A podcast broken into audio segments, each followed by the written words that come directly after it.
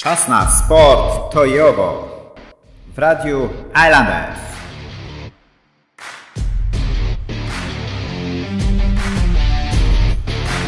Radio Islanders.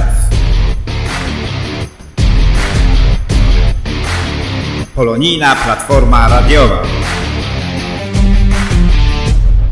Halo, halo, dobry wieczór, witam Państwa serdecznie. Darek Tokarski, środa, minęła godzina 19.00, a więc oznacza to, że na antenie Radia Islanders przyszedł najwyższy czas na sport tojowo, czyli tojowo na sportowo. Cykliczna audycja sportowa na antenie Radia Islanders. Nie było nas dwa tygodnie, nie było nas z przyczyn niezależnych od radia, z przyczyn bardziej powiedziałbym osobistych. Miałem, proszę Państwa, przeprowadzkę, więc i miałem kłopoty z dostępnością do sprzętu przez jakiś czas. Ale jestem, ale wracamy z naszą audycją dzisiaj po meczach reprezentacji Polski w nie najlepszych humorach. Te mecze z Andorą i z Węgrami nie nastrajają optymistycznie przed barażami. O tym wszystkim będziemy rozmawiać dzisiaj w temacie tygodnia z Kacprem Cicheckim, naszej także cyklicznej audycji w naszej części zwanej rozmową tygodnia e, będzie przeanalizowane to wszystko, to co wydarzyło się w kadrze, to co jeszcze może się wydarzyć, proszę Państwa. A tym samym witam Was ponownie jeszcze raz bardzo, bardzo gorąco i zaczynamy dzisiejszą audycję szybciutko. Przegląd tego, co poza piłką nożną, bowiem tenis, Formuła 1 też powoli kończą sezon, warto wspomnieć o tym, co wydarzyło się w innych dyscyplinach. Zapraszam bardzo, bardzo serdecznie na taki szybciutki mini flash informacyjny.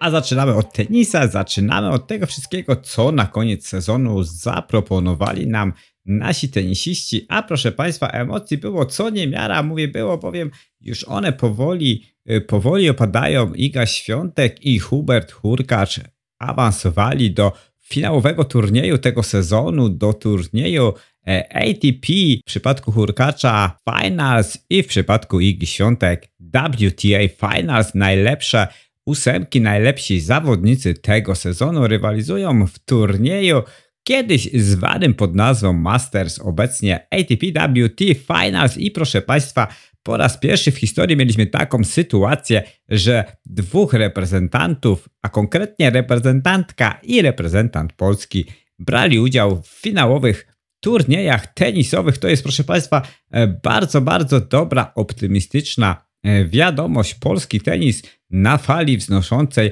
Co prawda Iga Świątek nie awansowała do półfinału tej imprezy, odpadła w fazie grupowej, bowiem tak był podzielony ten turniej, że mieliśmy dwie fazy, fazę grupową i fazę pucharową. Iga Świątek niestety dwie porażki i zwycięstwo w swojej fazie grupowej, ale proszę Państwa, mimo tego, że nie dostała się do półfinału, sam udział w tej imprezie to na pewno wielkie, wielkie osiągnięcie dla młodej zawodniczki, która w tym sezonie przecież grała wyśmienicie i troszeczkę powiedzmy nie miała tych zwycięstw wielkoszlemowych, o których wszyscy marzą, ale zwyciężała w ważnych turniejach WTA i awansowała do ósemki i jest, proszę Państwa, w pierwszej dziesiątce najlepszych tenisistach świata. Iga Świątek, brawo, brawo. Natomiast Hubert Hurkacz ciągle z szansami na to, aby awansować do półfinału. Hubert Hurkacz przegrał co prawda pierwszy swój mecz grupowy z Miedwiediewem, ale proszę Państwa, ciągle szansę ma na to, aby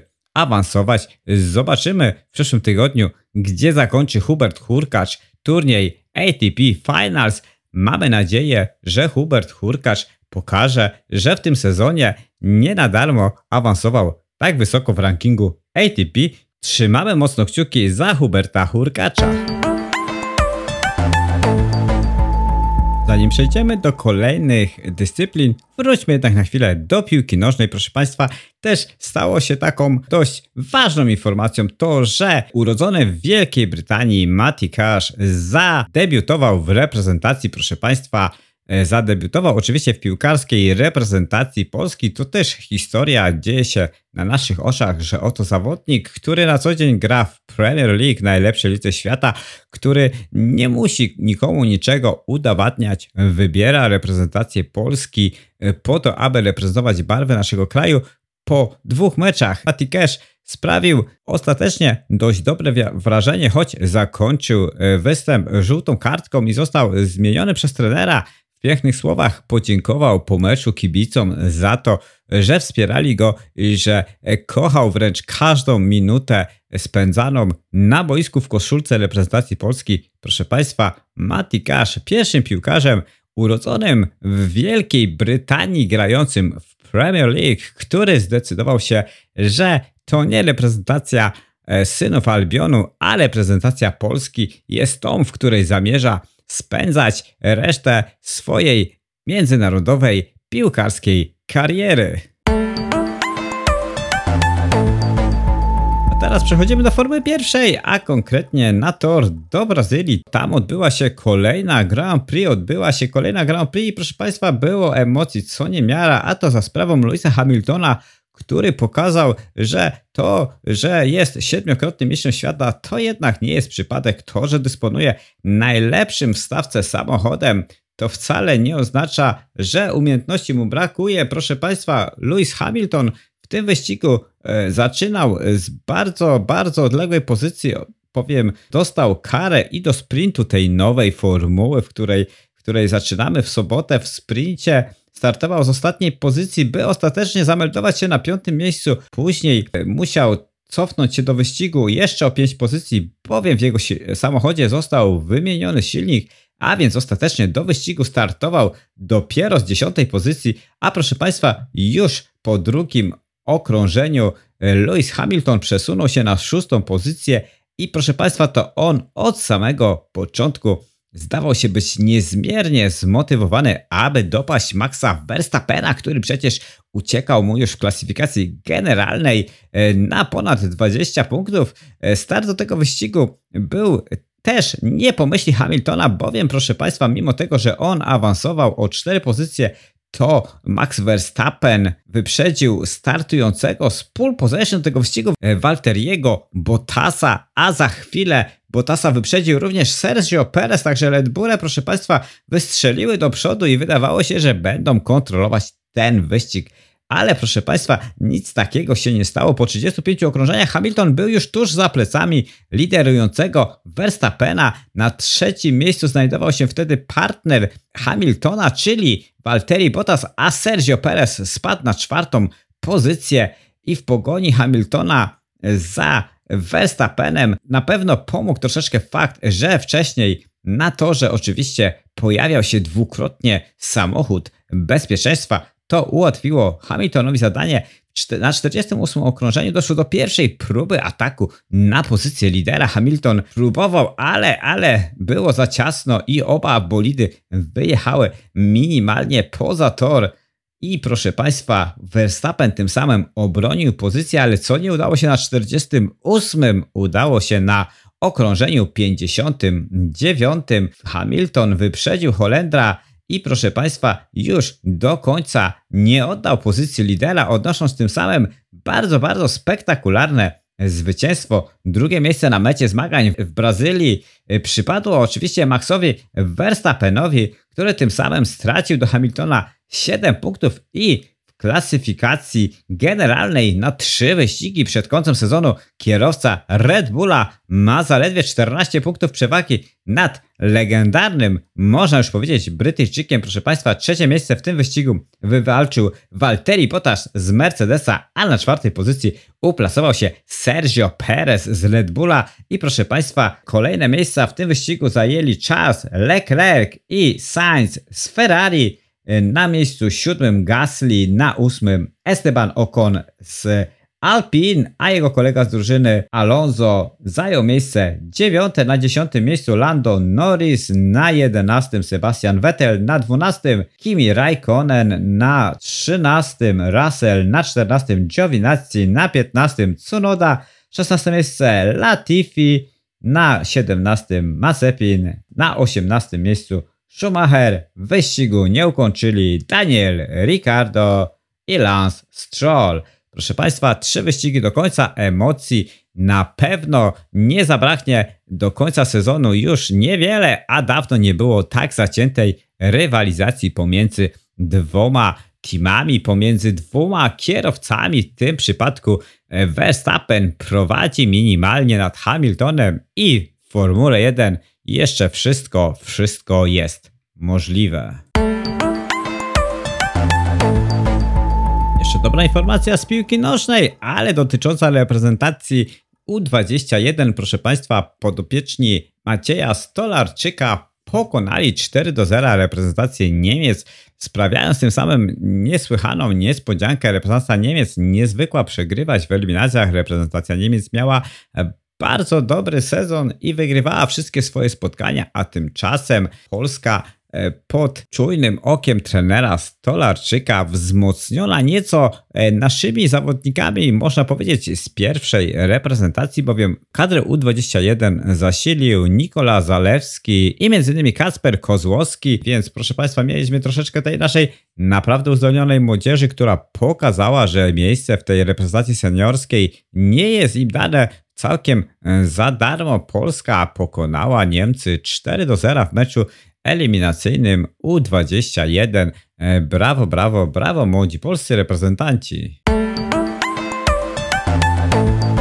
Kończą się powoli sporty letnie, a zaczynają się sporty zimowe i proszę Państwa, my będziemy emocjonować się pewnie w tym roku bardzo skokami narciarskimi. Przypomnijmy, to jest sezon olimpijski, w tym roku olimpiada zimowa i oczywiście będziemy z uwagą przyglądać się formie naszych sportowców, naszych olimpijczyków, a Puchar Świata w skokach narciarskich już w najbliższą e, sobotę, już 19 listopada, czyli właściwie od piątku, zaczynamy zawody w Niżnim Tagile i proszę Państwa, będziemy mieć oczywiście nasz najmocniejszy skład, czyli trener zdecydował się na to, a przypomnijmy, że trenerem Polaków jest ciągle, ciągle Michał Doleżal i on właśnie zdecydował się zabrać grupę e, najlepszych e, skoczków, czyli oczywiście Kamil Stoch, Dawid Kubacki, Piotr Żyła, Jakub Wolny, Klemens Murańka, Andrzej Stękała i Stefan Hula, a więc skład praktycznie bez zmian. Polscy skoczkowie przygotowują się do pierwszych zawodów Pucharu Świata w sezonie 2021-2022. Przypomnijmy sezonu olimpijskiego, także z uwagą, z uwagą, proszę Państwa, trzeba już przestawiać się na sporty zimowe. Mamy nadzieję, że sezon pandemiczny już mija, że już nie będzie żadnych niespodzianek dyskwalifikacji, pozytywnych wyników. Będziemy cieszyć się wspaniałą, niesamowitą i emocjonującą rywalizacją sportową. Proszę Państwa, to wszystko, co przygotowaliśmy na dzisiaj, jeśli chodzi o wiadomości. A teraz chwila muzyki, chwila z muzyką klasyczną, a tuż po niej wracamy z tematem tygodnia łączymy się z Kacprem Cicheckim, z którym będziemy rozmawiać o meczach reprezentacji Polski. Przeanalizujemy dokładnie wszystko to, co wydarzyło się miniony weekend na boiskach piłkarskich, w których grali piłkarze z białym orłem na piersi. Zostańcie z nami, muzyka, a później wracamy tuż po przerwie.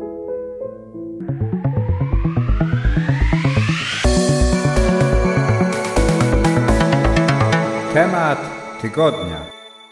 Halo, witam Państwa serdecznie po przerwie muzycznej. Wróciliśmy z naszą audycją Czas na Sport to i owo na antenę Radia Islanders i wracamy oczywiście e, z naszym tematem tygodnia, z naszą rozmową tygodnia, w której wspólnie z Kasprem Cicheckim omawiamy te wszystkie najważniejsze informacje z minionego tygodnia, a tych informacji oczywiście było bardzo dużo i to za sprawą reprezentacji Polski w piłkę nożną, bowiem odbyły się dwa ostatnie mecze eliminacji do Mistrzostw Świata w Katarze 2022, które za chwileczkę sobie omówimy.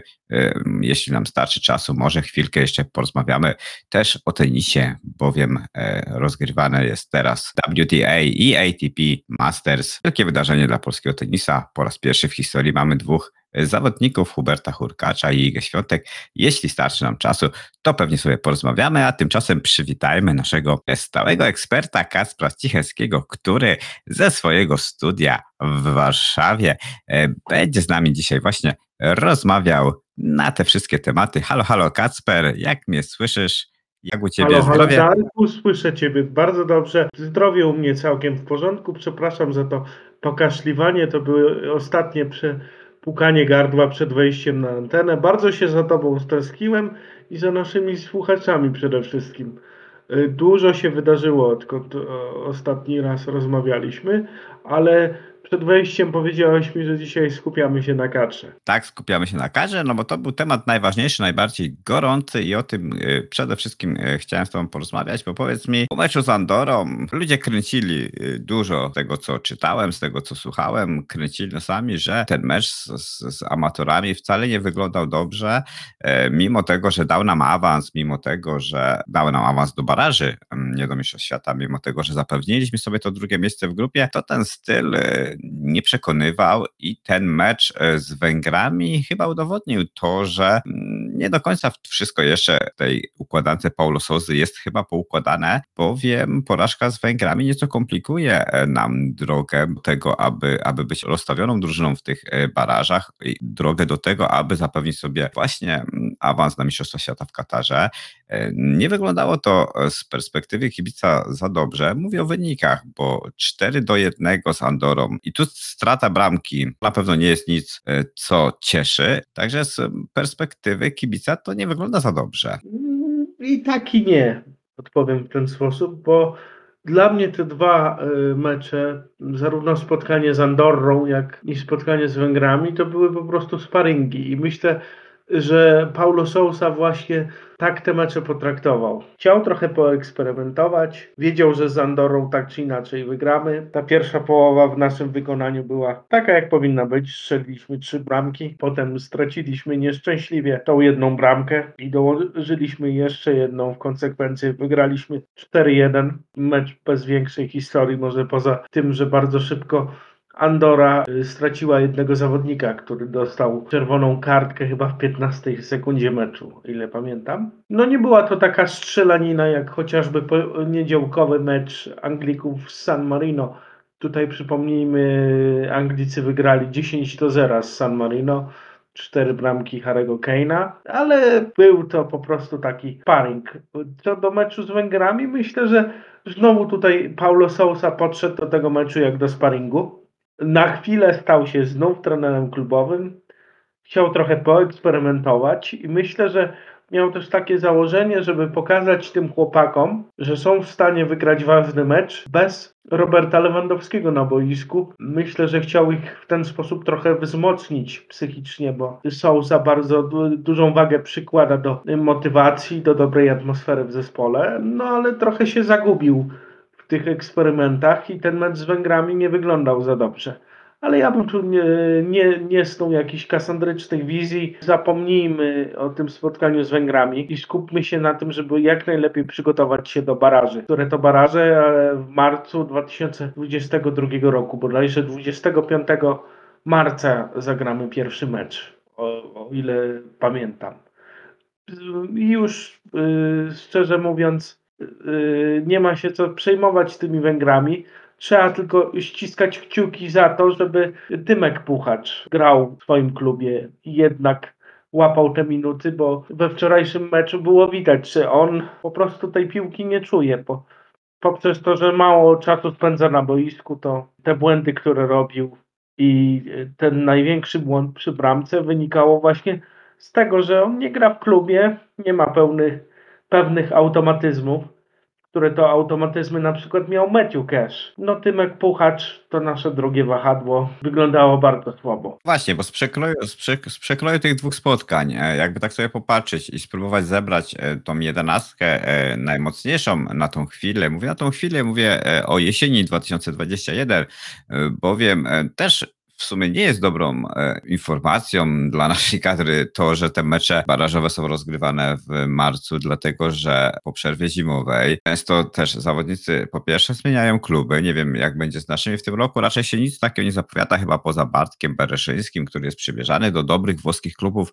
i mówi się już być może o tym okienku zimowym to teoretycznie nasi zawodnicy mają spokojną głowę, natomiast przygotowanie fizyczne, przygotowanie mm, e, mentalne i, i, właśnie to czucie piłki w meczach marcowych różnie, różnie nam to wychodzi. Mm, zawsze, e, zawsze jest to wielka niewiadoma. Oczywiście e, nie tylko dla kadry polskiej, dla wszystkich innych reprezentacji tak samo, bo te zmiany są e, we wszystkich klubach e, i dotyczą wszystkich piłkarzy w całej Europie, ale jakoś tak ze spokojem na pewno nie można podchodzić do, do terminów marcowych. Wiemy już z przeszłości, różnie to na wiosnę u nas bywało. My mamy na szczęście teraz tych zawodników na tyle profesjonalnych, takich jak Piotr Zieliński czy, czy Robert Lewandowski, którzy generalnie dbają o to, żeby tą formę mieć cały czas i pewnie wielu innych tak samo, bo, bo wiemy, że na wiosnę dobrze grał w zeszłym roku i Kuba Moder. Nie jestem zbyt optymistycznie nastawiony do terminów marcowych, bowiem to będzie wielka niewiadoma. Kadra teraz się rozjeżdża, kadra nie będzie się widzieć i to wszystko e, będzie tak jak było w zeszłym roku w marcu, chociaż ten mecz akurat e, w zeszłym roku z Anglikami na Wembley nie wyglądał źle. Natomiast jest to, jest to na pewno jakaś taka wielka niewiadoma. I teraz, gdybyś miał ty złożyć, powiedz mi, gdybyś miał złożyć pierwszą jedenastkę teraz, e, więc tym meczu z, e, po tym meczu z Andorrą i po tym meczu z Węgrami pierwszą jedenastkę, to mm, wiem, że nie wystawiłbyś Wojciecha Szczęsnego, a poza tym, jak, jak, byś, jak byś to widział? To znaczy, na pewno Wojtka Szczęsnego bym nie wystawił z całym szacunkiem dla niego. To jest naprawdę dobry bramkarz, ale on po prostu nie ma szczęścia w tych meczach reprezentacji. Ja oglądając ten mecz z Węgrami wczoraj, tak jak już Ci powiedziałem przed, y, y, poza anteną, ja czułem, że coś się tu zaraz niedobrego wydarzy. No i znowu Szczęsny wpuszcza taką bramkę, która nie powinna wpaść. Szczerze mówiąc, jeszcze ta piłka tak mu pomiędzy nogami przechodzi i dostaje tak zwaną siatę.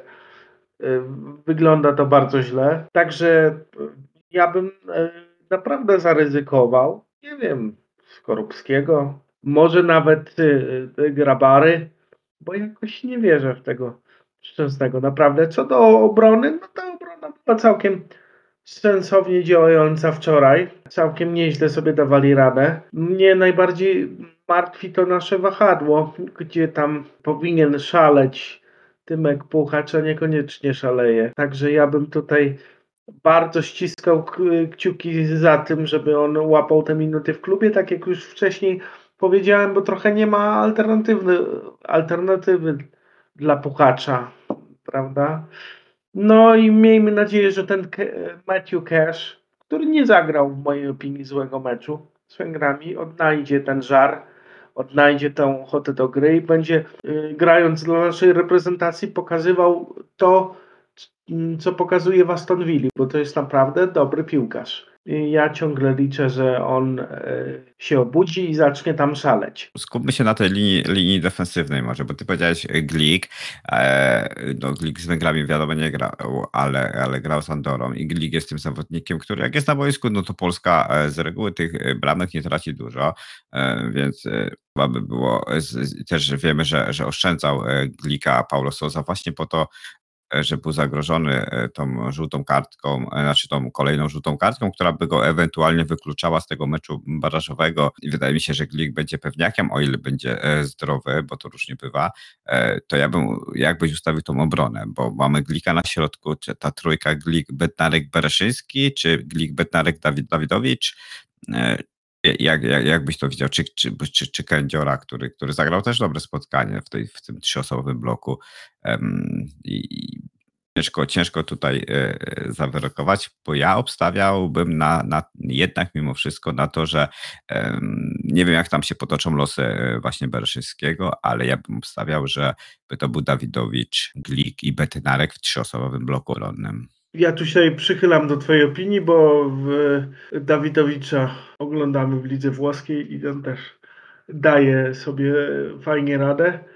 Kędziora w meczu z Węgrami był trochę zagubiony, ale myślę, że to i tak koniec końców decyzję podejmie Paulo Sousa w ostatniej chwili co do zestawienia tej obrony. Glik Bednarek, Dawidowicz, ja bym tak to, to widział. Bo, Ewentualnie... bo, bo, jeśli chodzi o waka, bo jeśli chodzi, bo tam jeszcze zostaje nam ewentualnie Bereszyński na, na, na prawą stronę e, lub, e, lub e, Helik tak na środek i tak to by wyglądało, chociaż ten Helik ostatnimi czasy grywa już u Paulo Sozy coraz mniej, natomiast wydaje mi się, że ten blok defensywny też będzie zależał od tego, którzy wahadłowi będą dostępni w danej chwili, bo, bo wtedy ten, ten bardziej skrajny środek ten, ten bardziej skrajny środkowy obrońca e, chyba będzie miał mieć te inklinacje, których nie ma ewentualnie ten wahadłowy, czyli jeżeli to będzie Jóźwiak, to na tej prawej stronie by musiał grać e, na przykład Bereszyński, e, który, który tam defensywnie będzie go na tej prawej flance bardziej wspierał, bo Dawidowicz mimo tego, że miał kilka takich fajnych wyjść, bo mi się podoba u niego to, że, że potrafi właśnie wyjść z piłką, wyjść z otwierającym podaniem i czuje tą grę do przodu, jak na środkowego obrońcę nawet bardzo dobrze i, i to jest u niego fajne, to Paulo Souza będzie szukał właśnie tych y, takich ludzi, którzy będą mogli się uzupełniać lepiej. Jeżeli będzie Mati grał, Mati Cash, E, grał na środku, na, na tym prawym wahadle, no to wtedy Dawidowicz e, więcej oczywiście będzie miał zadań defensywnych, nie będzie musiał się tak skupiać na pomaganiu mu, bo Mati Hesz daje radę na tej prawej stronie. Ja obstawiam, że on będzie w podstawowym naszym wahadłowym z prawej strony. Natomiast z lewej strony, e, tak jak mówisz, Tymek Puchacz nie gra, Tymek Puchacz ciągle nie zadebiutował w Bundeslidze. Pół roku minęło, wydawało się, że powinien dostać chociaż szansę, tych kilka minut, a tu ciągle, ciągle nic ale przecież jak popatrzymy na to, to on fizycznie nie wygląda źle, więc nie wiem w czym, w czym tkwi problem. E, natomiast, e, natomiast e, jest alternatywa dla Puchacza, bo jest ten Przemek Frankowski, który może grać na lewej stronie z tym swoim, ma dobrą lewą nogę, ma dobre dośrodkowanie z lewej nogi i może ścinać też do, do, do środka i, i, strzelać z prawej, także tutaj, tutaj ja bym obstawiał, że ryzykował Frankowskim jednak w pierwszym składzie. Mm-hmm. Jest pytanie, czy ten jeden środkowy pomocnik to by miał takie zadania stricto, e, stricte defensywne, taki trochę taran i jeszcze dodatkowe zabezpieczenie, czyli taki Grześ, Grzesio Krychowiak. Mm, I wtedy mm, Zielińskiego dajemy jako drugiego, który ma być takim playmakerem. Albo jeszcze inaczej może. Może wtedy y, zagrajmy trzema w środku. Tak, zagramy trzema w środku. Wiemy, że, wiemy już, że Mateusza Klicha w pierwszym meczu barażowym nie będzie na pewno, bo dostał żółtą kartkę i będzie pauzował.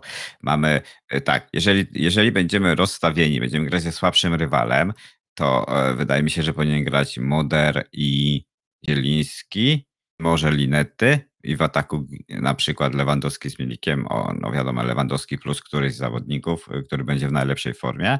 E, natomiast jeżeli byśmy byli nierozstawieni i grali z mocnym rywalem, wtedy właśnie wydaje mi się, że w środku powinien grać Zieliński, Krychowiak, który będzie wspierał jednak mimo wszystko defensywę, mm, bo ja zauważyłem u Grześka Krychowiaka taką dziwną prawidłowość. E, jeżeli my gramy te mecze z dobrymi drużynami, z dobrymi przeciwnikami, to Grzegorz Krychowiak naprawdę gra dobrze, dobrze wygląda. Być może dlatego, że my wtedy się bardziej skupiamy na defensywie, być może dlatego, że my nie gramy wtedy e, tak nonszalancko, że my nie rozgrywamy tych akcji tak dużo i wtedy Krychowiak wygląda dobrze. I wydaje mi się, że on jest stworzony do właśnie do takiej gry, I to nie jest, znowuż nie, ja tego nie wymyśliłem, bo to było przez lata już widoczne, kiedy on grał jeszcze w Sewilli. Sevilla grała z kontrataku, gdy on walczył, gdy on e, zbierał te piłki. E, on potrafi takim jednym, dwoma E, e, fajnymi zagraniami w meczu wyprowadzić dwie, trzy szybkie akcje e, bardziej z kontry i, i wtedy Krychowiak wygląda dobrze. Natomiast kiedy my mamy kreować, to ten Krychowiak tak nam trochę przeszkadza w tej grze. Mam takie wrażenie, że on nam spowalnia te akcje, że tutaj mm, Kuba Moder zdecydowanie ma, ma więcej inklinacji ofensywnych i on potrafi przede wszystkim wyjść spod pressingu fajnie technicznie, właśnie kierunkowym przyjęciem Podobnie jak Piotr Zieliński potrafi zgubić dwóch, trzech obrońców właśnie takim. Już widzieliśmy to nieraz e, właśnie w wykonaniu Kuby Mudera i to samo robi właśnie w Brighton e, i tym sobie też e, kupił chyba trenera i dlatego gra w Premier League, tak jak gra. I jeżeli by to miał być słabszy rywal, no to by to, to tak musiało wyglądać, że, że ja bym Krychowiaka posadził na ławce. E, Karolinety na takiego żołnierza walczącego, odbierającego piłki, jak najbardziej wtedy mógłby być w środku, no i w ataku pewnie Milik z Lewandowskim, bo e, powiem Ci, że obserwowałem Marka Milika, prawda to był mecz z Andorą, chociaż teraz nawet jak wszedł w tej końcówce z Węgrami, to widać, że Arek Milik wraca do tej formy i, i, i na pewno jeżeli, jeżeli zacznie grać, jeżeli odpukać tfu tfu w niemalowane, to nie przytrafi mu się kolejna żadna kontuzja, to atak Milik Lewandowski to naprawdę wygląda potężnie. No, dobrze to zostawiłeś, czyli mamy obronę załatwioną, tą trójkę w środku, czyli e, Moder, Krychowiak, Zieliński, no i tych dwóch naszych top napadziorów z tą opcją, żeby Krzysiek Piątek albo Karol y, Świderski wchodzili i robili tam zamieszanie. Oni będą na są taką tajną bronią z ławki. I... Bo jeszcze jest Adam Buksa, który nie wiadomo gdzie wyląduje, tak? Bo już tutaj się e, w kuluarach mówi o transferze e, do Europy teraz już w zimie, bo nie ma na co czekać i że, że, że nawet to może być e, któraś ze słabszych drużyn, ale mimo wszystko z Premier League, także zobaczymy. To w napadzie mamy, jeżeli są wszyscy zdrowi, to mamy bogactwo. Oby, oby Paulo Sousa nie wpadł na ten szalony pomysł grania trzema napastnikami, bo to też e, może się tak zdarzyć. E, ja mam nadzieję, że, mm, że jednak podejdzie na chłodno do tego wszystkiego i, i nie będzie forsował takich szalonych pomysłów na najważniejsze mecze, jakie będą w ostatnich latach kadry, czyli dwóch meczy, czyli dwa mecze barażowe na wiosnę, tak? Mhm, ale ja bym jeszcze tu wrócił do tej kwestii właśnie wahadłowych, czyli ty jednak mówisz, że że Frankowski, nie Jóźwiak, nie Puchacz, a Frankowski.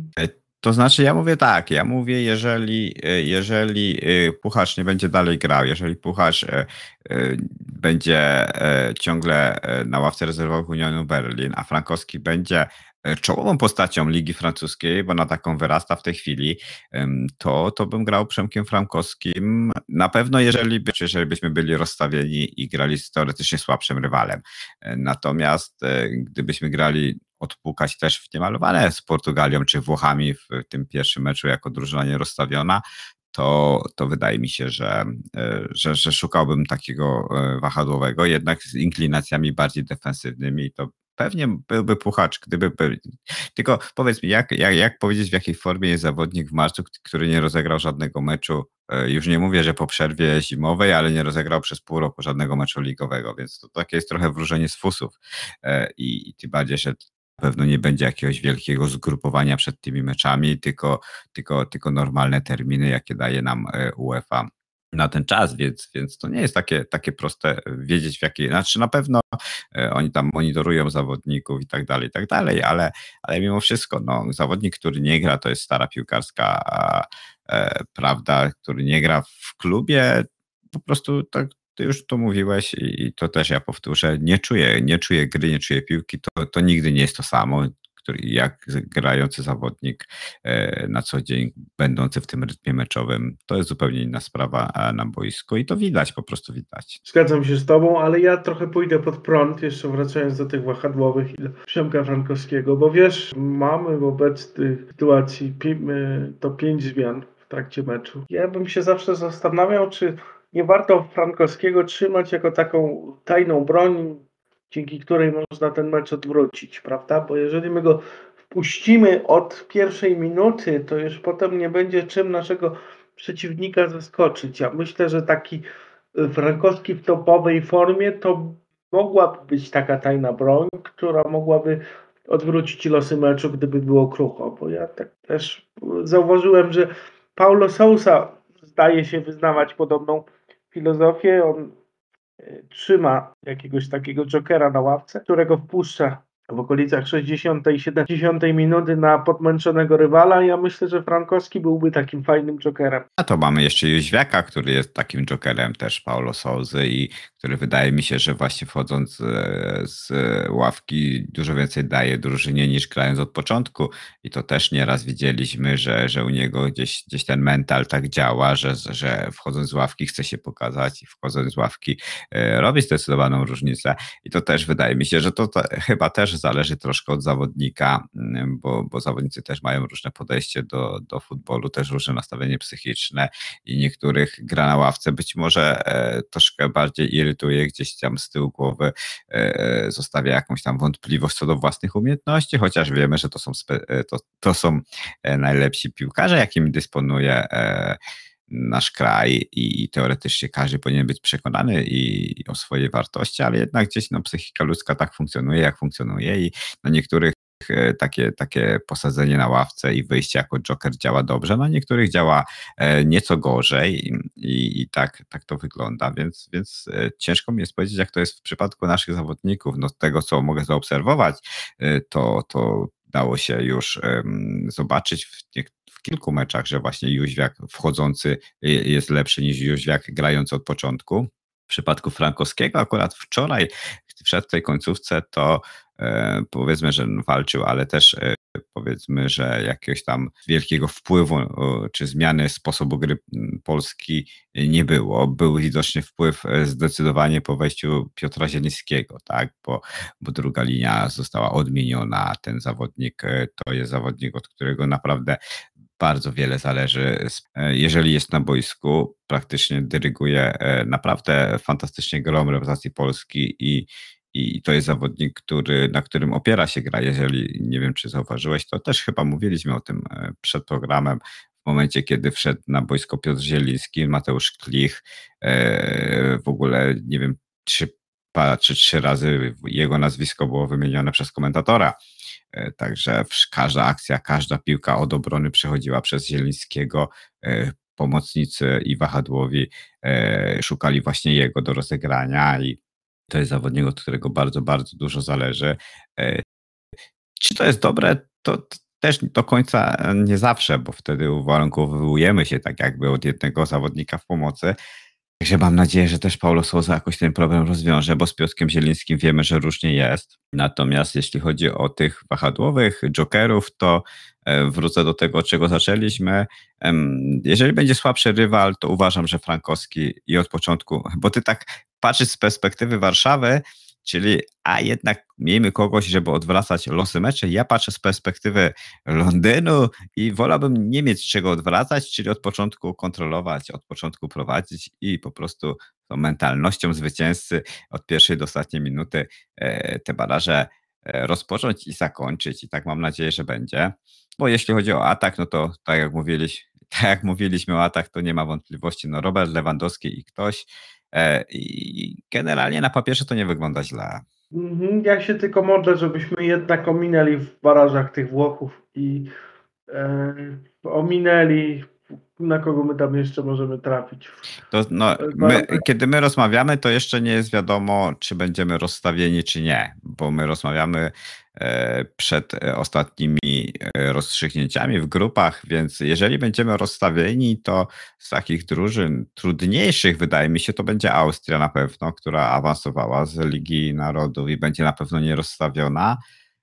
Tam jest kwestia Norwegia czy Turcja które e, mogą być za nami, a jeżeli będziemy nierozstawieni, no to mamy takich naszych rywali trudnych, bo mamy Szwedów, z którymi niedawno się spotykaliśmy, mamy e, przecież Włochów i jest też Portugalia, która e, niespodziewanie uległa Serbom i awansowała bezpośrednio na Mistrzostwa Świata i będzie musiała walczyć w barażach. Także no, Cristiano Ronaldo to jednak też jest zawsze wielka niewiadoma i Portugalia, mimo tego, że, że też rozmawialiśmy kiedyś o tym, pamiętam, mówiłeś mi, że chciałbyś na tą Portugalię trafić, bo oni są do ogrania, to może w drugim meczu, jeżeli miałbym wybierać, to w tym awansować do tej drugiej rundy barażowej i wtedy e, mieć u siebie Portugalię, czy na wyjeździe, to już bez znaczenia e, to, to być może to byłoby ciekawe rzeczywiście.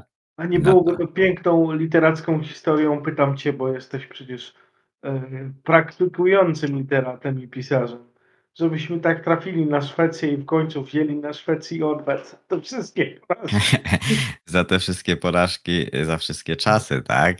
tak no, tak. Być, no być może, tylko że właśnie, no popatrzcie e, jak przebiegały te eliminacje, popatrzcie na to, co Szwecja robiła w tych eliminacjach, e, bo ja naprawdę jestem pod wrażeniem tej gry, tej drużyny. Mieli w grupie Hiszpanię, oczywiście przegrali tą grupę z Hiszpanią, ale to jest tylko e, tak naprawdę Hiszpania, która im tam zagrała zagrażała. No mają jeszcze tam e, jedną porażkę bodajże z Grecją, e, ale, ale Szwedzi grają naprawdę wyrachowany futbol i taki futbol, którego my nie lubimy. To jest przeciwnik zdyscyplinowany.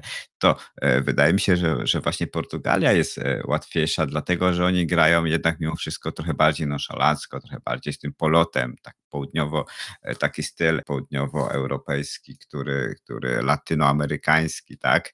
Który, który mm, gdzieś nam bardziej odpowiada mimo wszystko z przebiegów tych meczów. Porównaj sobie na przykład takich meczy Euro, które, które oglądaliśmy, mecz właśnie Polski z Hiszpanią, a Polski ze Szwecją. W obydwu meczach Polska e, nie grała źle, wręcz powiedziałbym, że Polska grała dobrze, a jednak to wyrachowani Szwedzi nas wypunktowali bezlitośnie, a nie gorące głowy hiszpańskie, tak? Także y, powiem Ci, że ciężko jest wyrokować kogo można by było tak, tak trafić, no bo jeżeli wejdziemy do tej drugiej rundy i będzie tam sześć najlepszych drużyn, no to z tych sześciu najlepszych drużyn to są wszystkie drużyny, które, które są gdzieś powiedzmy w tych rankingach wszystkich wyżej od nas, także, także no będzie ciężko, ale liczę na to, że że, że się uda. Oby tylko lewy był zdrowy i oby te wiodące postacie naszej kadry były zdrowe. A last but not least, mi się wydaje, tutaj może się uśmiechniesz za chwilę, jak wygłoszę tą swoją tezę, że Paulo Sousa mógł powiedzieć naszym chłopakom tak, panowie, wiem, że my już doszliśmy do pewnego poziomu, przed nami baraże. Zróbmy taką lekką zasłonę dymną, zagrajmy słabiej te dwa mecze, żeby trochę zdezorientować naszych potencjalnych przeciwników. Może to była taka zagrywka taktyczna, bo przecież wiemy, że na ważne mecze y, kadra Sousy potrafi się spiąć. Przypomnijmy sobie chociaż ten mecz z Anglią, który był naprawdę dobry w naszym wykonaniu. Mi się wydaje, że może to jest taka tak jak powiedziałem, zasłona dymna pewnego rodzaju, żebyśmy byli taką trochę niewiadomą dla naszych przeciwników. No, jeśli już wspomniałeś moje, moje dokonania literackie, to e, akurat specjalizuję się w teoriach spiskowych i być może rzeczywiście, chociaż akurat w przypadku mm, piłki nożnej, w przypadku tego futbolu e, mm, na najwyższym poziomie, to wydaje mi się, że,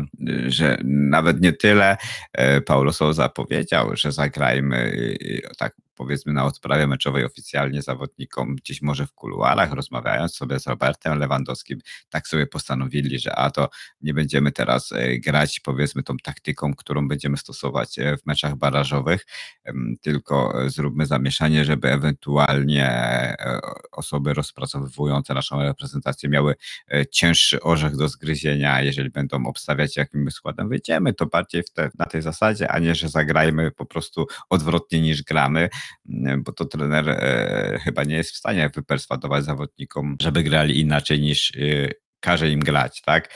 Bo, bo tak się nie da. Natomiast e, może tak być, że, że te roszady są spowodowane właśnie tym, żeby e, nasi e, konkurenci mieli trudniej bo są reprezentacje, które grają tym samym składem, których rozpracowanie taktyczne tak naprawdę e, wymaga powiedzmy trzech dni pracy całego tego sztabu e, analityków.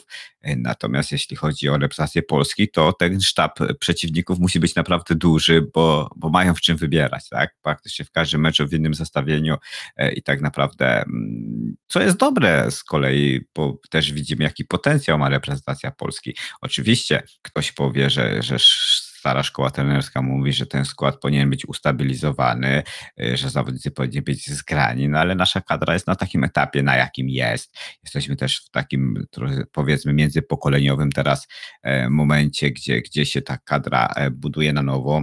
Być może się zbuduje i to będzie kilka e, lat jakiegoś takiego naszego, powiedzmy, złotego pokolenia ala, ala Belgów, którzy, którzy też przecież od lat grają tym podobnym, bardzo zbliżonym składem, czy na przykład Anglicy teraz, y, zauważ Anglików, teoretycznie mających zapewnione pierwsze miejsce w grupie, teoretycznie e, grających e, na luzie, ale mimo wszystko grających w podstawowym składzie. Gareth Southgate e, stawia konsekwentnie na tych samych zawodników. Ja nie widzę żadnej różnicy pomiędzy tym, co było rok temu, a teraz. Ciągle gra ten sam skład. On niczego nowego nie szuka. Oczywiście młode talenty gdzieś tam pukają, ale ale e, Gareth Southgate wydaje się być niewzruszony na te wszystkie e, westchnienia kibiców co do e, utalentowanych zawodników. I to gdzieś tam też przynosi oczywiście mm, wymierne efekty Anglikom, natomiast mi się wydaje, że to jeszcze nie jest ten czas, kiedy my tych zawodników mamy ustabilizowanych, bo jeszcze ciągle, ciągle jest dużo znaków zapytania, także wszystko jest jeszcze otwarte, jeśli chodzi o kadrę Polski. No miejmy nadzieję, że, że te baraże naprawdę zakończą się wielkim, wielkim sukcesem. Powiedz mi, na kogo chciałbyś najbardziej, żebyśmy trafili? Y, to znaczy, y, ja jednak marzę, żeby ten rozstrzygający mecz y, odbył się z Portugalią i żebyśmy tą Portugalię, mówiąc kolokwialnie, walnęli w czapkę i tym sposobem awansowali do mundialu w Katarze. Nie wiem, na kogo możemy potencjalnie trafić w tej pierwszej rundzie. Wspominałeś Turcję, tak? Wspominałeś. To, to, to wszystko zależy od e, tego, jak się zakończą dziś wtorkowo-wieczorne e, mecze z tych, które jeszcze nie zostały zakończone. Także, także tam jeszcze jest e, możliwość grania z Rosją, są Włochy, jest Portugalia, tam może być Turcja lub Norwegia, Czechy lub Walia.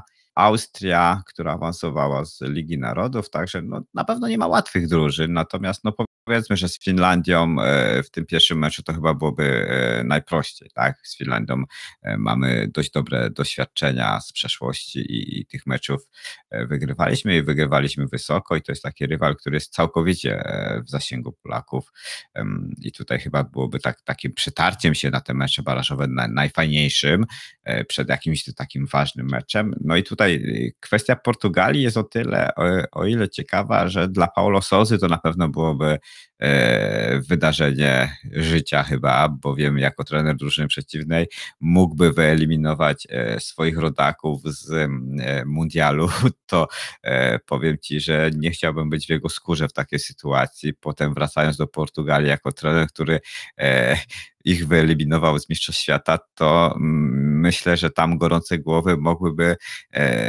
mu sprawić kilka przykrości na pewno, jeśli chodzi o kibiców, mm, no bo oczywiście profesjonaliści wiedzą, że to jest sport i tutaj, tutaj nic nie ma, albo, albo mu się za chwilę pojawi oferta z drugiej strony reprezentacji Portugalii do prowadzenia kadry. Dokładnie także, o tym myślałem. E, Popatrz, gdyby ich wyeliminował w barażach o mundial, no to Portugalczycy podrapaliby się w głowę i powiedzieliby sobie, mmm, nie docenialiśmy gościa, może to on y, byłby w stanie wycisnąć z tej naszej złotej generacji maksimum, bo ja tak patrzę na tą Portugalię i, i oczom nie wierzę, bo to jest taka paka. Tacy utalentowani gracze, szczególnie w ofensywie, a ta Portugalia, no mam zawsze wrażenie, że oni grają na zaciągniętym hamulcu ręcznym, ale, ale y, jak zwykle się rozgadaliśmy, może powoli będziemy zmierzać do końca. Mam cichą nadzieję, że któryś z asystentów Paulo Sousy słucha naszego podcastu wnikliwie, bo dzisiaj e, tak to wszystko profesjonalnie omówiliśmy pozycja po pozycji, że na pewno polska kadra by na tej naszej gruntownej analizie skorzystała. Bardzo Ci dziękuję. Darku, jak zwykle tutaj Twoja insiderska wiedza byłego piłkarza e, naprawdę pomaga. Oprócz tego, że jesteś byłym piłkarzem, jesteś przecież świetnym trenerem, więc to wszystko bardzo fajnie taktycznie rozkminiliśmy i myślę, że nasi y, słuchacze po wysłuchaniu dzisiejszego odcinka będą mieli jasną wizję tego, jak powinniśmy zagrać w barażach i jakim ustawieniem. No tak, dzięki, dzięki Ci Kasper za docenienie moich umiejętności, tych byłych piłkarskich i tych e, szkoleniowych. No myślę, że, że jeszcze e, do Paulo Sozy mi bardzo, bardzo daleko, aczkolwiek e, staram się cały czas e, doskonalić swoje umiejętności. E, o tej Izie nie porozmawialiśmy, jak zawsze nam brakło czasu. Mm, tylko wspomnijmy tak jeszcze na koniec szybciutko. Powiedz mi, no mimo tego, że e, no Hubert jeszcze nie wiadomo, ale Iga odpadła, Iga nie wyszła z grupy w tym Masters. Wielkie wydarzenie polskiego tenisa na pewno, jeśli chodzi o, o, o, tych, o tą dwójkę i myślę, że na przyszłość jeszcze wiele, wiele dobrego się może wydarzyć. Nigdy nie mieliśmy tak, żeby w ATP i WTA mieć dwóch zawodników na tym kończącym sezon e, turnieju Masters. E, teraz to się nazywa Finals, e, to kiedyś było Masters, prawda? Fantastyczne osiągnięcie naszej dwójki. Wydaje mi się, że, że mimo tego, że, że, że powiedzmy pierwsze koty za płoty i Iga Świątek no w ogóle drugie, dru, drugą połówkę sezonu miała nieco gorszą niż pierwszą, ale, ale, ale czapki z głów i dla Świątek, i dla Hurkasza za, za to, że znaleźli się w tej ósemce najlepszych w tym sezonie, to na pewno e, też jest e, jakiś tam drogowskaz dla innych polskich zawodników, że można, mimo że tenis jest tak trudną, indywidualną dyscypliną, e, gdzie konkurencja, żeby dostać się na ten topowy, powiedzmy, poziom jest, jest, jest przeolbrzymia w tej chwili na świecie, to e, da się to zrobić. Da się to zrobić e, z perspektywy właśnie Polski, da się wybić e, bardzo wysoko i, i naprawdę ja tak na koniec chciałem tylko powiedzieć wielkie, wielkie gratulacje dla Huberta Hurkacza, niezależnie od tego, jak się skończy jego droga, bo wiemy, że, że, że jeszcze może awansować do półfinałów. No i dla Igi Świątek, która kończy, kończy w grupie swoje występy w tym, w tegorocznym, w swoim pierwszym debiutanckim WTA e, Finals. Wielkie, wielkie brawa. No i zakończyła ten y, udział w, w turnieju Masters wygraną. Także to jest pozytywny akcent na koniec. Pomimo, że nie awansowała, to wygrała ten swój ostatni mecz. Tak jak powiedziałeś, tenis to jest tak wymagająca dyscyplina i tak elitarna, że trzeba mieć wielki szacunek zarówno dla Igi, jak i dla Huberta. I zobacz, ten nasz tenis też się bardzo fajnie rozwija. Tutaj e, przechodząc, spacerując po dzielnicy, zauważam, że coraz więcej młodych osób gra w tenisa, pomimo tych pandemicznych okoliczności. Także to te sukcesy Huberta i Igi to są też fajną inspiracją dla młodych, żeby się za ten tenis wziąć. Można powiedzieć, że Polska tenisem stoi. A tak na zakończenie, żeby tchnąć trochę optymizmu, w kibiców, którzy nas słuchają, jest takie polskie powiedzenie e, historyczne: jesień była wasza, wiosna będzie nasza. No, I tym optymistycznym akcentem e, musimy kończyć naszą przedłużoną jak zawsze rozmowę tygodnia. Kasper, wielkie dzięki za dzisiaj i mam nadzieję, że już teraz wracamy E, tydzień e, wracamy z naszą częstotliwością, także słuchajcie nas w środę o godzinie 19 na antenie Radia Islanders. Dzięki Kasper, pozdrawiam serdecznie. Za tydzień będę tu znowu. Będzie się działo. Trzymajcie się zdrowo. Wszystkiego dobrego. Do usłyszenia. Hej.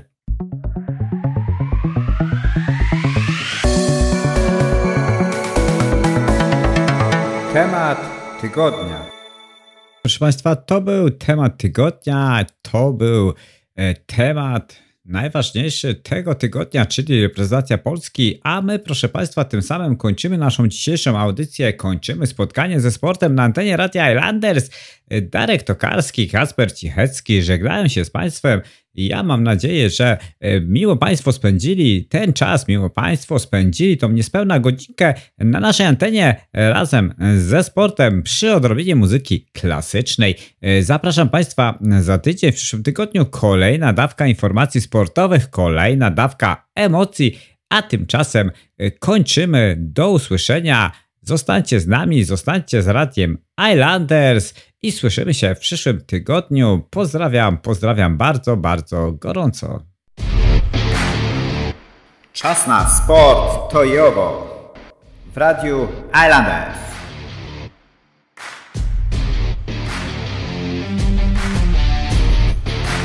Radio Islanders. Polonijna platforma radiowa.